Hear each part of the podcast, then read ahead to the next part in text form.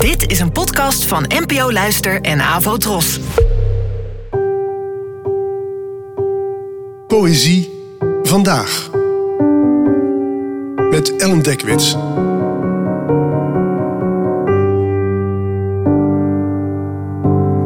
Hallo, fijn dat je luistert. Het gedicht van vandaag heet Schemerleven en werd geschreven door de Nederlandse dichter en schrijver Jaap Robbe, geboren in 1984. Schemerleven. Je bleef te kort om te kunnen voelen hoe warm wangen zijn. Hoe verlangen soms naar een glas water smaakt. Wat er na winter komt. Dat een afgeknipte tak in een vaas blijft bloeien, alsof hij zijn boom niet mist. Enkel de zon geen schaduw heeft. Hoe koeien doen. Dat het leven was wat door jouw wimpers schemerde.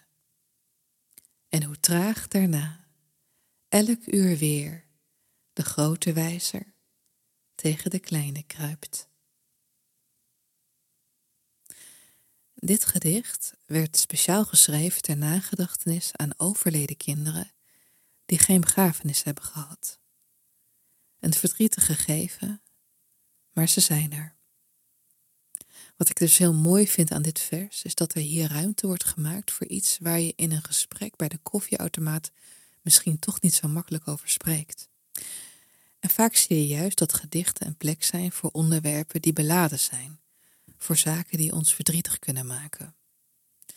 De reden laat zich een beetje raden, maar ik denk dat het meespeelt dat over poëzie toch een beetje de afspraak bestaat dat je erin mag zien wat jij erin wil zien, en ook dat de dingen er niet helemaal expliciet in hoeven te zijn.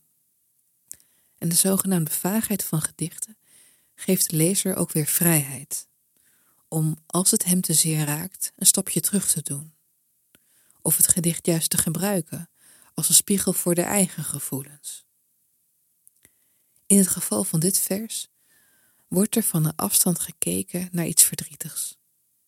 Naar het leven dat een kindje had kunnen hebben, wat hij of zij had kunnen ontdekken. En dat, hoewel diens bestaan misschien van korte duur was, het toch met deze mooie beelden wel in taal is gevat. Een klein standbeeld in woorden werd, voor iets dat te teer was om lang te mogen blijven. Dank je voor het luisteren en tot de volgende keer. Abonneer je op deze podcast via de gratis app van NPO Luister. Daar vind je ook een handig overzicht van het complete podcastaanbod van de NPO.